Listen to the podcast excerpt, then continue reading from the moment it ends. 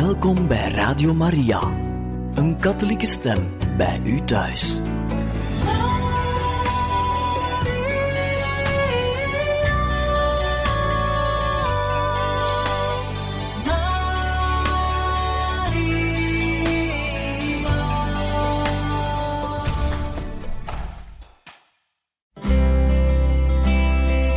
Welkom bij Boekat, een programma van Radio Maria.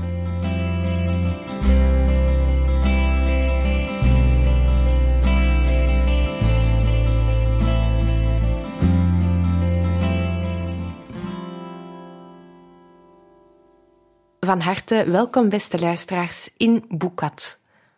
Momenteel lezen we uit een boek geschreven door Albino Luciani, de latere paus Johannes Paulus I, die in zijn tijd als patriarch van Venetië de ongewone opdracht had aangenomen om iedere maand een brief te schrijven aan een beroemde persoonlijkheid in de periodiek Messaggero di San Antonio. We lezen er nu verder uit. Aan Paulus de Diaken. Paulus de Diaken, monnik en geschiedschrijver, geboren in Friuli in de 8e eeuw. Hij werd opgevoed te Pavia aan het hof van koning Ratchis. Hij gaf onderricht aan de dochter van de laatste Langobardenkoning Desiderius. Na de nederlaag van de Langobarden werd Paulus naar Frankrijk gevoerd, waar hij Karel de Grote leerde kennen en aan diens hof lang als leraar verbleef. Behalve vele gedichten heeft hij ook een geschiedenis van de Langobarden geschreven, zodat zijn naam verbonden is met de geschiedenis van de vroege middeleeuwen. De vakantiewoede. Vereerde schrijver en historicus. Het aanstaande Nationaal Eucharistisch Congres, dat gehouden zal worden te Friuli in augustus 1972, heeft me aan u doen denken. U was in Friuli geboren, maar van Langobardische afkomst en hebt met grote genegenheid de geschiedenis van uw volk geschreven. Twaalf eeuwen geleden kwamen de Langobarden naar Italië met ongeveer honderdduizend man. U beschrijft hoe ze via Postumia afkwamen en het leek wel een mierenhoop op Mars. Als u nu eens terugkwam. Als u op een zaterdag of zondag in juli of augustus eens bij de Fadalto-pas ging zitten en probeerde de auto's te tellen. Buitenlandse en Italiaanse die afdalen naar Caorle, Jesolo en Venetië of die omhoog gaan naar de Cadore-pas. Of als u eens ging zitten bij de Brenner of bij de andere Alpenpassen, nog meer volgepropt met toeristen. Als ik u vertelde dat alleen al op de feestdagen van augustus een miljoen Milanezen wegtrekken uit Milaan en een miljoen Romeinen uit Rome. Een onafzienbare processie van voertuigen die in alle richtingen rijden, op alle uren van de dag en op alle wegen van Italië. Ik begrijp dat u verwonderd zou kijken en ik weet wat u vragen zou. Waar gaan al die mensen naartoe? Ze gaan naar de zee, naar de bergen. Ze gaan monumenten bekijken of bezienswaardigheden in de natuur. Ze zoeken frisse lucht, het groen, het zand, de geur van bossen. Ze willen weg zijn van huis. En waar worden al die mensen ondergebracht? Zowat overal, in hotels, in pensions, in tenten en toeristendorpen, in vakantiehuisjes, in motels en op campings. Ziet u dat ding op vier wielen dat voortgesleept wordt door een auto? Dat is een caravan, een rijdend huisje. In uw tijd hield men zijn paard stil en bond het aan een boom. In onze tijd stoppen ze met de auto en de caravan op een plaats waar een paar bomen staan en een beekje stroomt. Ze halen een gasfles, een kookstel en een draagbare koelkast tevoorschijn.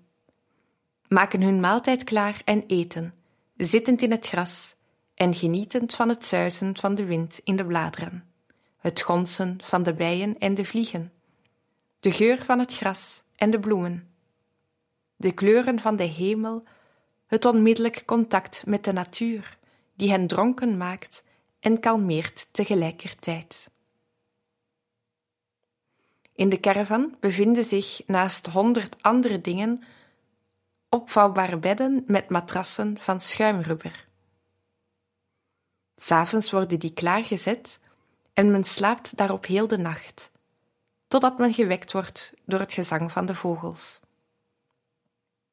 Kort gezegd, de mensen willen minstens voor een tijdje een bad nemen in de natuur, hun dagelijkse zorgen van zich afschudden, de stad van beton en bakstenen vergeten, die hen maandenlang opgesloten heeft en weer opsluiten zal.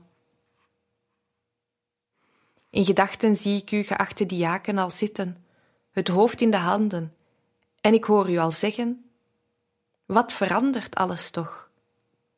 Er is meer lawaai dan bij zo'n invasie in de oudheid. De mensen zijn net slakken geworden die hun huis meeslepen, een huis op wielen tegenwoordig. Of ze hebben een lap witte stof, die eerst opgerold achter het zadel van hun motorfiets zit en later wordt uitgerold, opengevouwen en opgezet als een kamer. En dan hebben ze die blauwe tent, enorm groot, elektrisch verlicht, voorzien van radio en televisie, in een rij staande met andere tenten, bewoond door mensen van allerlei rassen en talen. Een waar Babel. Nee, zoiets beschrijf ik niet. U boft. Ik als zielzorger kan niet zeggen, daar schrijf ik niet over. Ik moet minstens iets zeggen over enige problemen die verbonden zijn met dat reizen en trekken, dat zwerven en dwalen, dat men, naar gelang het uitkomt, aanduidt met weekend, korte vakantie, een dagje uit, toerisme, zomerverblijf. Wees zo goed te blijven meeluisteren als ik me nu tot de lezers richt. Voor ons, Italianen, is er een oud en klassiek voorbeeld van toerisme. Petrarca, die ook alpinist was. Hij reisde overal naartoe waar men in die tijd heen kon. In Italië en in het buitenland. Op zoek naar mooie plaatsen, goede vrienden en goede boeken. Dat vele reizen was goed voor zijn nieuwsgierigheid en zijn dorst naar kennis, maar niet zo goed voor zijn financiën. Zijn bediende Monte mopperde dikwijls: Je doet niets dan alsmaar rondtrekken, maar daarom ben je dan ook altijd platzak. Dat is dus allereerst iets waar we aan moeten denken. Is het niet vaak onverantwoorde geldverkwisting, al dat reizen zonder zich beperkingen op te leggen? Het gaat heus niet om enkele gevallen.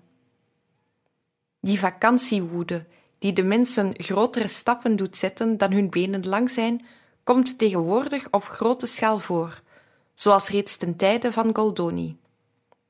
Geweten en gezinsleven lijden er dikwijls onder, alsmede het financieel beheer, de zelfbeperking en de spaarzin. Nog een opmerking. Men reist, zegt men, om te leren, om de ontwikkeling te vergroten, om eventueel ergens over te kunnen meepraten om de geest te verrijken met de artistieke en natuurlijke schoonheid die elders te zien is. Allemaal waar, als men tenminste rustig reist, op de geschikte plaats stilhoudt, de nodige voorbereidingen treft en de ogen open houdt om te zien wat nuttig en belangrijk is. Ook moreel kan men erop vooruitgaan. Men kan zich klein voelen in zo'n grote schone wereld men kan zich dichter bij God en dankbaar voelen, zich verenigd voelen met zijn broeders, medemensen. Maar er zijn mensen die zich op reis alleen interesseren voor kleinigheden. Als ze terugkomen van Rome, weten ze alleen te vertellen over een bepaalde wijn van de Castelli of over iets lekker uit de keuken van Trastevere. Er zijn er ook die het aan alle historische kennis omtrent de bezochte plaatsen ontbreekt, zoals de gids die de Toscaanse novelist Fucini had vergezeld om Sorrento te bekijken. De stad waar vier eeuwen geleden Torquato Tasso geboren werd. Op een gegeven ogenblik zei de schrijver tot de gids: Ik ga nu een stukje eten. Probeer jij eens te weten te komen waar het huis van Tasso is. De man stapte weg, kwam een tijdje later terug en rapporteerde: Meneer, de meneer woont hier niet meer. Er zijn ook toeristen die geweldig snoeven, opscheppen, fantaseren en overdrijven, wonderlijke verhalen vertellen, alsof ze Marco Polo, Columbus of Livingstone in eigen persoon zijn. Vakantie betekent rusten, zich ontspannen. Maar sommigen kunnen rusten, anderen kunnen dat niet. Met de laatsten gaat het net als met huisvrouwen die stof afnemen. Er zijn er die menen dat ze stoffen, maar die het stof enkel verplaatsen. Een gezin dat, om mee te doen met de mode, in de vakantiepiek naar een der meest bezochte plaatsen gaat waar de hotels stampvol zijn, zal het moeten stellen met één kamer of zal genoegen moeten nemen met een kermisbed, wat desnoods ook een biljart of een lichtstoel kan zijn. Van rusten is er dan geen sprake. Men verwisselt de enige vermoeidheid en narigheid voor de andere.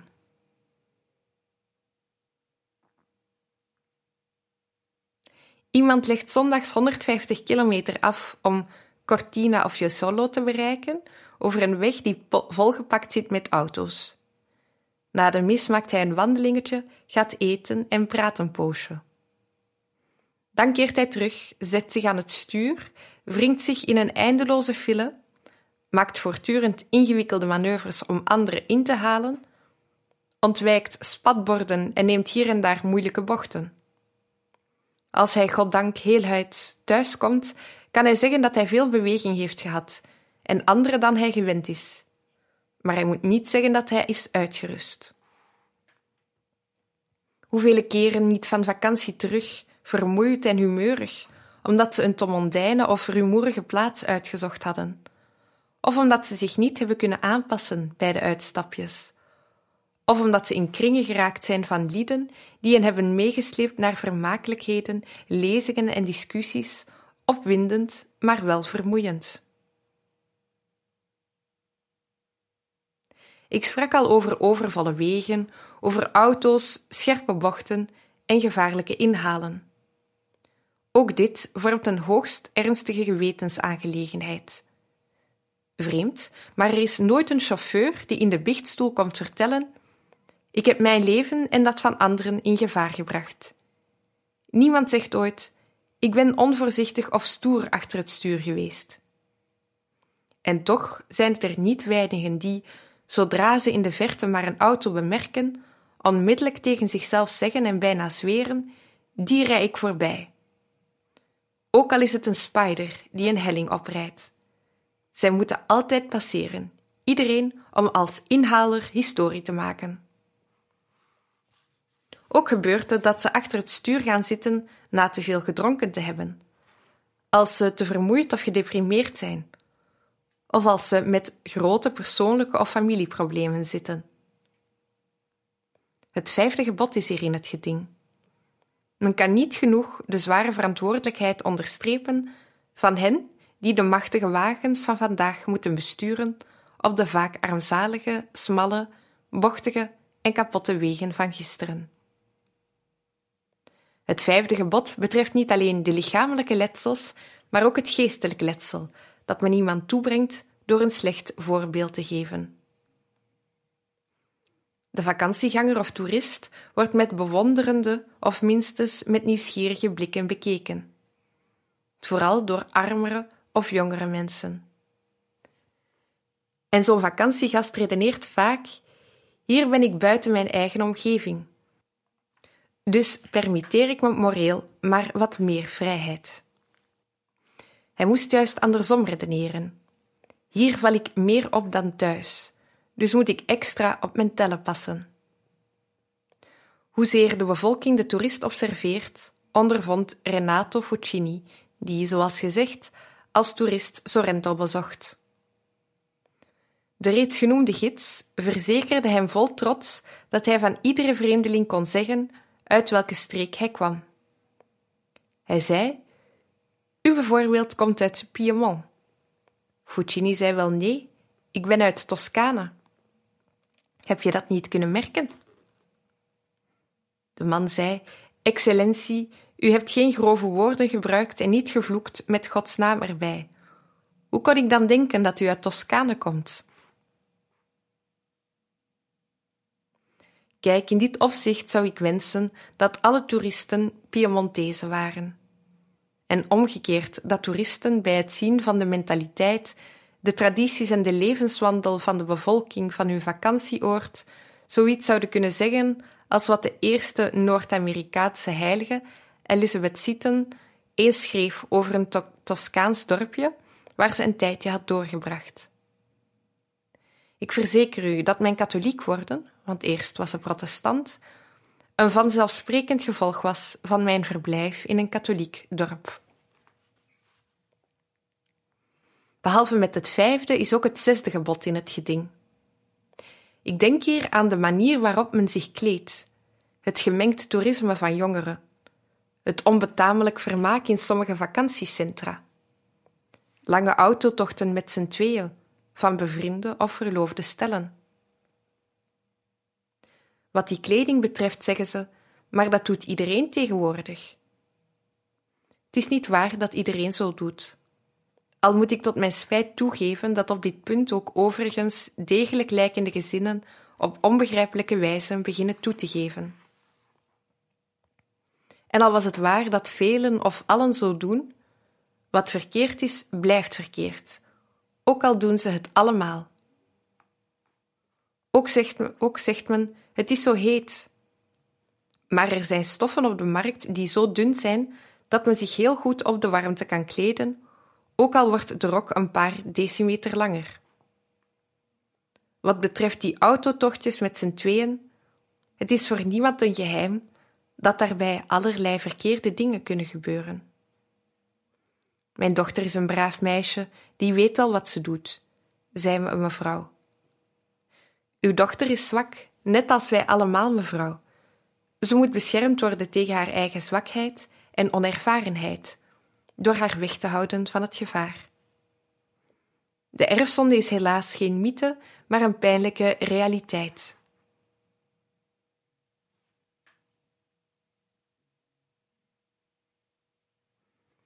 Na het zesde komt het zevende gebod.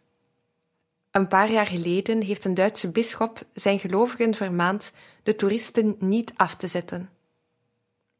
Werkelijk niet ten onrechte. Ik heb gehoord dat de VVV van een toeristenplaats in de bergen het landschap heeft verrijkt met een grote opgeblazen melkkoe van rubber. Van verre gezien wit op een groene wei, met een grote bel om haar nek, ook van rubber, geeft die koe kleur aan de omgeving en dient ze tegelijk als lokmiddel of als waarschuwing. Als het waar is, zou dit eerder naïviteit dan doortraptheid zijn. Het is een feit dat in bepaalde vakantieoorden de prijzen tegen de, seizoen, de seizoenpiek enorm stijgen. Hier en daar worden de vakantiegangers alleen beschouwd vanuit een commercieel standpunt. Vakantiegangers zijn mensen met geld. Bij hen zit het eraan en kan het eraf. Niet altijd bedenkt men daarbij dat het mensen zijn die heel het jaar gewerkt hebben in fabriek of kantoor, in vochtige dompere steden, mensen die nauwelijks twee of drie weken vakantie krijgen, die echt rust nodig hebben en frisse lucht en zon. Niet voor altijd en niet voldoende denkt men eraan dat het broeders zijn, voor wie men ware liefde moet hebben en voor wie men de gastvrijheid dient te beoefenen. De heilige Petrus vermaant ons hospitales in vicem, gastvrij voor elkaar te zijn, en hij voegt erbij sine murmuratione, zonder te mopperen. In dit geval zouden we er nog bij kunnen voegen en zonder ze het vel over de oren te halen. Er is nog iets. Wij gaan op vakantie, maar de Heer houdt geen vakantie. Hij wil dat we zijn dag in eren houden, en die in geen geval onteren. En dit zowel hem ter eren als voor ons eigen welzijn. Als ik zeg zijn dag, bedoel, ik niet alleen dat uur waarin we de mis horen. De christelijke zondag is een gehele dag en omvat een hele hoop dingen. Actief deelnemen aan het misoffer, niet alleen maar passief luisteren, zorgen voor ons zielenheil in rust en bezinning en door het ontvangen van de sacramenten. Godsdienstige onderrichting door te luisteren naar het woord van de priester en door het evangelie of een ander goed boek te lezen. Deelneming aan het leven van de parochie als geheel. Liefdewerken verrichten jegens armen, zieken of kinderen. Een goed voorbeeld geven of ook navolgen. En dit allemaal als de vrucht van ons christelijke leven en als een waarborg daarvoor. Als we in staat zijn goed te leven op zondag, dan is het bijna zeker dat we ook goed zullen leven gedurende de rest van de week. Daarom hecht de Heer zo aan de zondag. En daarom moeten we alles doen om deze niet te laten schieten. Toerisme of geen toerisme, vakantie of geen vakantie. Ons zielenheil gaat boven en voor alles. Ik kom nog even bij u terug, diaken Paulus. Wat denkt u van mijn conclusie? Is het te ouderwets? Ze is ouderwets, maar ze is waar en wijs. Ze helpt ons goede mensen te worden en te blijven. En daar gaat het toch om. Juli 1972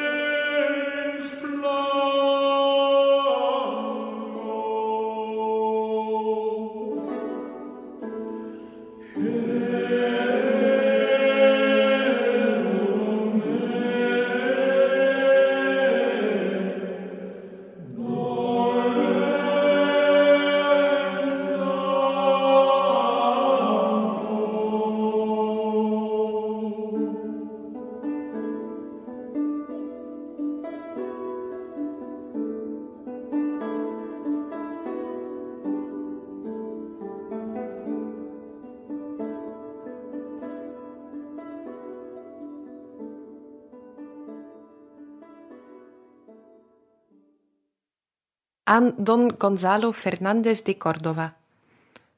Gonzalo Fernández de Córdoba was Spaans gouverneur van de staat Milaan gedurende de oorlog met Savoie om het bezit van Monferrato en gedurende de gelijktijdig uitgebroken pest van 1630. Hij wordt genoemd door Manzoni in zijn roman I Promessi Sposi, in verband met de Milanese opstand tegen de minister van Voedselvoorziening. waarbij in Manzoni's boek ook de verloofde Renzo als contesterende betrokken raakte en spoedig in handen van de politie viel. De klokken van de guerrilleros. Beste Don Gonzalo. Ik weet van u enkel wat ik over u gelezen heb in Manzoni's I Promessi Sposi. U bent Spaans gouverneur geweest van de staat Milaan. Het Milaan waar de oorlog van Casale woedde en de pest in 1630. In uw wapen prijkte een Moorse koning, geboeid met een ketting om zijn hals. Staande voor dit wapen in de herberg de volle maan, flapte Renzo eruit. Ik weet wat het gezicht van die ketter met een ketting om zijn hals wil zeggen. Het wil zeggen, wie de macht heeft, hij gebiedt, maar slechts wie wil, gehoorzaamt. Arme Renzo, dat kwam hem duur te staan. Binnen een paar uur had de politie hem te pakken. Toen hij wist te ontsnappen, liet u hem met groot alarm opsporen, als gold het een straatrover, een aanstichter tot plundering en oproer. Kortom, een revolutionair. Tegenwoordig zou dat anders gaan. Om de woorden die Renzo sprak, zou hij tegenwoordig tot profeet, charismaticus of theoloog gepromoveerd worden. U, Don Gonzalo, zou alleen al omdat u verordeningen uitvaardigde, tegenwoordig worden aangemerkt als een onderdrukker, van machtswellust bezeten en de menselijke waardigheid en vrijheid met voeten tredend. De opstand tegen uw minister van Voedselvoorziening zou tegenwoordig een onbeduidend en mislukt relletje genoemd worden. Niets in vergelijking met de ware revolutie, die heel het systeem wil omverwerpen. De klokken van een bepaalde filosofie en theologie schijnen tegenwoordig slechts te bijeren voor de begrafenis van het gezag, voor het feest van de vrijheid en de revolutie. Bossuet, een geniaal man die niet veel later dan u leefde, zou in dit verband gezegd hebben: Waar iedereen doet wat hij wil, doet niemand wat hij wil. Want waar niemand beveelt, beveelt iedereen. En waar iedereen beveelt, beveelt niemand. Maar wie bekommert zich nog om Bossuet? Het lichtbaken, waarop vooral dichte drommen van studenten thans hun blik gericht houden, is Mao, die tot de zijne gezegd heeft: Vaagt met de culturele revolutie alles weg wat bourgeois is. De cultuur van vroeger dient alleen om verdeeldheid te zaaien. Revolutie maken is het enige wat de naam cultuur verdient. Ook bij ons heeft men dit parool overgenomen. De nieuwe studenten verkondigen: Wij zijn de lont om de huidige maatschappij op te blazen. Geen selectief onderwijs, geen onderwijs in dienst van het klassensysteem en waarvan alleen de gevestigde burgerij profiteert wier kinderen reeds in het gezin een bepaalde opvoeding genoten hebben. Geen meritocratie der klassen meer. Geen zogenaamd prestatiestelsel, waarbij men voorwendt in het onderwijs dezelfde maat te gebruiken voor hen die zich per auto laten rijden en voor hen die moeten lopen. En ze menen het ernstig. Ze bezetten scholen en universiteiten willen geen verschil meer zien tussen Dante Alighieri en onze Italiaanse uilenspiegel Bertolino. Ze hebben zich vertrouwd gemaakt met de methode van de stadsguerilla, met de marxistische analyse van de burgerlijke maatschappij en met het gebruik van drugs. Proberen door hun spot de niet-revolutionairen te verlammen. Tyranniseren met hun terrorisme de zwijgende meerderheid onder de studenten en infiltreren zelfs binnen de katholieke studentenkringen. Een eigenaardig verschijnsel, deze vijf kolonnes, die geaccepteerd, geprezen en getheologiseerd worden. Mao is de nieuwe Mozes die de volken zal voeren naar het nieuwe beloofde land. De zogenaamde westerse democratie is nog slechts een nutteloze bouwval. Ook het Sovjet-communisme zelf is achterhaald De derde weg, die van Mao, zal de wereld bevrijden, want, zeggen ze, dat is de weg van het evangelie. Hoezo dan? Wel, zeggen ze, je moet weten dat in Jezus' tijd Palestina het toneel was van de guerrilla. De guerrilla-strijders, Zeloten genaamd, waren in een bloedige strijd met Rome verwikkeld. De strafmaatregel tegen hen was de kruisiging, zodat het kruis, voordat het een christelijk symbool werd, reeds als een teken gold voor de guerrilla. Jezus, door de blanke Romeinse overheersers van zijn burgerrechten beroofd en in zijn eigen waarde als Hebreeër gekrenkt, kon zich alleen maar bij de revolutionairen thuis voelen. Dit blijkt wel allemaal niet zo duidelijk uit de evangelies, gaan ze verder, want die zijn pas geschreven toen de revolutie tegen Rome al was afgelopen. Bovendien heeft Marcus, die voor de Romeinen schreef, ten behoeve van hen de inhoud van zijn evangelie wat dat betreft wat afgezwakt. Ook Paulus, die Romeins burger was, heeft zich door Rome laten beïnvloeden. Op de teksten van de evangelies en Paulus, zoals ze geschreven zijn, kan men dus niet afgaan. Ze moeten herinterpreteerd worden. Er staat geschreven: geef aan de keizer wat de keizer toekomt. Daarvoor moet hij in de plaats zetten: het is verboden iets aan de keizer te geven, want in Palestina behoort alles aan God toe. Er staat: zalig de vredestichters, gaat u verzoenen met uw broeder. Vergeeft. Wie het zwaard gebruikt, zal door het zwaard omkomen. Keert de andere wang toe, bemint uw vijanden. Het lijken erg pacifistische teksten. Maar nee, als men ze in pacifistische zin begrijpt, klinken ze laf, ja absurd voor mensen die onder de Romeinse onderdrukking leefden en smachten naar politieke onafhankelijkheid. Ze worden dus als volgt herinterpreteerd. Je moet geen vijanden hebben. Dit is alleen mogelijk als je de macht omvergeworpen hebt van het mens onwaardige, van economische ongelijkheid en machtsongelijkheid, hetgeen allemaal onderdrukking betekent. De ware Christus, concluderen ze, is een revolutionair en een guerrillero. Hij dreef met de zweep de kooplieden uit de tempel en hij kwam in conflict met de synagoge. Om hem na te volgen moet je revolutionair worden en in opstand komen tegen de macht, zowel de burgerlijke als de kerkelijke, in naam van de vrijheid, de persoonlijke verantwoordelijkheid, de dialoog en de charismata.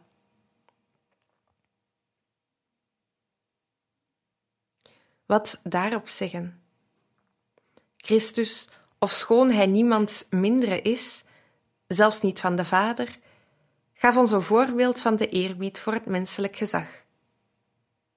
Te Nazareth is hij onderdanig aan Maria en Jozef. Te Cafarnaum bewerkt hij een kleine, wonderbare visvangst om de benodigde stater te verschaffen voor de tempelbelasting.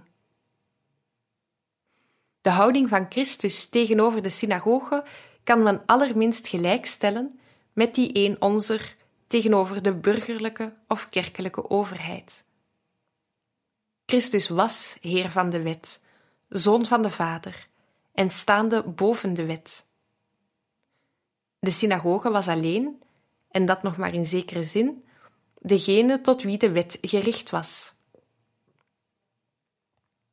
Als Christus optrad tegen de synagoge, beriep hij zich niet op zijn recht om zich te verzetten, maar in tegendeel op zijn plicht om te gehoorzamen aan de Vader. Toen hij de handelaren uit de tempel joeg, was dit een goed berekende en doordachte godsdienstige daad. Trouwens, hij wond of doodt niemand, hij steekt de tempel niet in brand. Hij gooit alleen de tafels van de geldwisselaars omver en drijft de dieren van de kooplui naar buiten. Het doel dat hij hiermee voor ogen had, was niet hun schade of ongemak te bezorgen. Hij wilde hun eerbied voor Gods huis leren. Het concilie heeft beklemtoond dat de kerk in wezen het volk Gods is, dat ze pas daarom hiërarchisch is. Toen hij de kerk stichtte, stond in zijn gedachten het volk voorop, de redding van de zielen. Ten dienste van het volk heeft hij apostelen en bisschoppen gewild met speciale volmachten.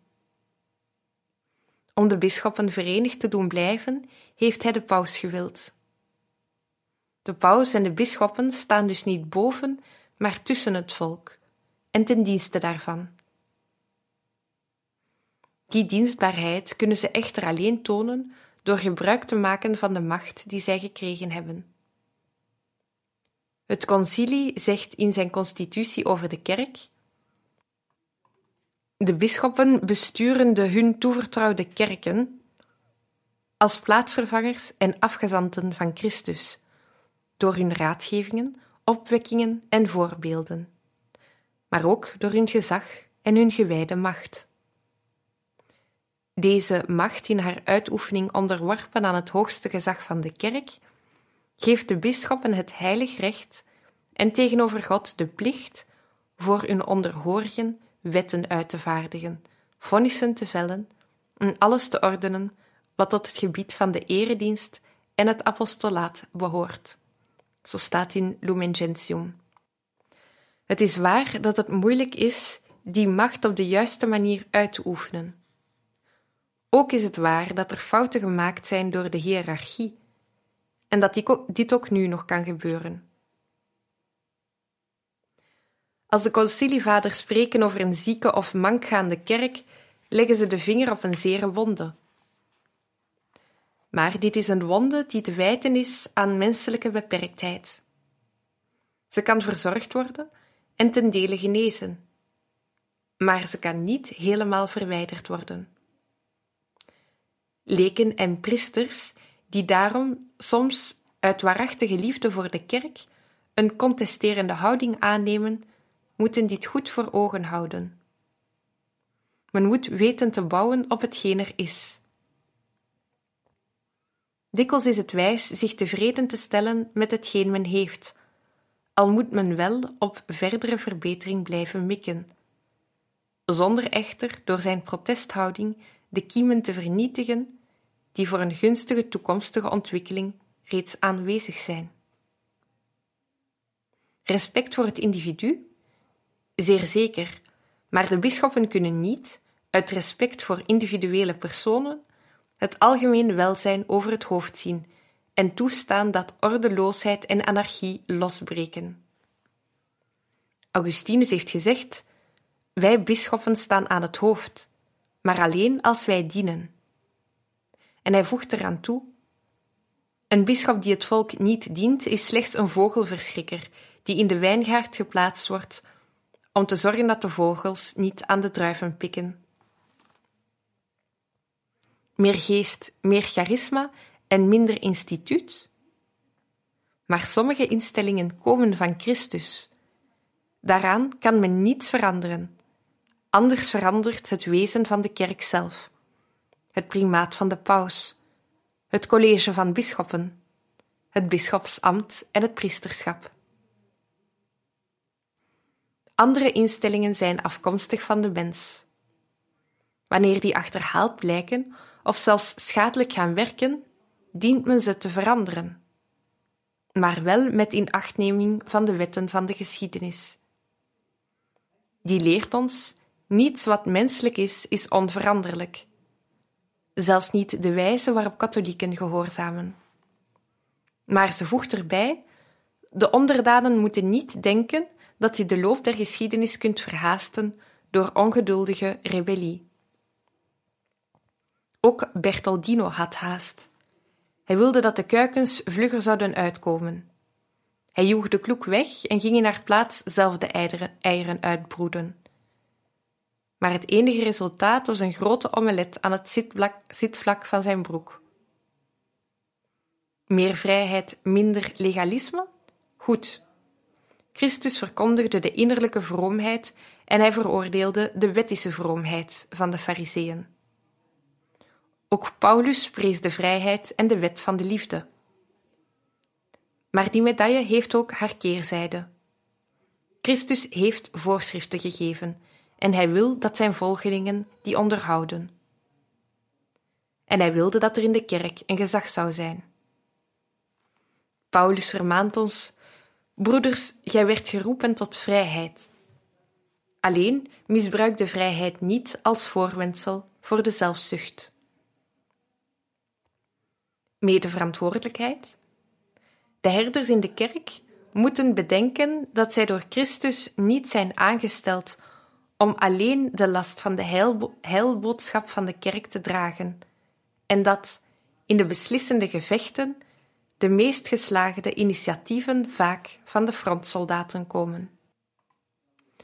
Op hun beurt moeten de leken hun medeverantwoordelijkheid niet beperken tot al te gemakkelijke kritiek. Laten ze zich aansluiten bij de voorstellen die uitvoerbaar en praktisch zijn. En vooral laten ze meewerken aan de uitvoering van de voorstellen. En laten ze eraan denken dat hun medewerking aan het welzijn van de kerk niet lukraak moet gebeuren, maar onder de leiding van, de van het heilig leergezag, dat tot opdracht heeft ook de charismata te onderzoeken en eventueel te bekrachtigen. Dialoog. De teksten van het concilie spreken er wel zo'n vijftig maal over. De dialoog moet dus plaatsvinden met goede wil van beide kanten. De bisschoppen moeten niet alleen naar zichzelf luisteren, ze moeten raad inwinnen en samen met anderen de zaken onderzoeken voordat ze een beslissing nemen. En de gelovigen moeten spreken met de vrijheid en het vertrouwen passend voor kinderen Gods en broeders van Christus. Altijd met waarachtigheid, met kracht en voorzichtigheid, eerbied en liefde. Maar ook de dialoog zal niet werken als een toverstaf die alles heelt, oplost en in orde brengt. De dialoog is alleen maar nuttig in zoverre de deelnemers er vertrouwen in hebben en zich houden aan de juiste regels. Beste Don Gonzalo, deze mensen die zeggen dat ze het evangelie interpreteren, zoeken vrijheid. Helaas, het is niet de vrijheid die Christus bedoelde toen hij ons leerde zeggen: Vader, behoed ons voor het kwade. Het is ook niet de vrijheid waarvan Augustinus sprak. Je zult vrij zijn als je uzelf tot dienaar maakt. Vrij van de zonde, dienaar van de gerechtigheid. Augustus 1972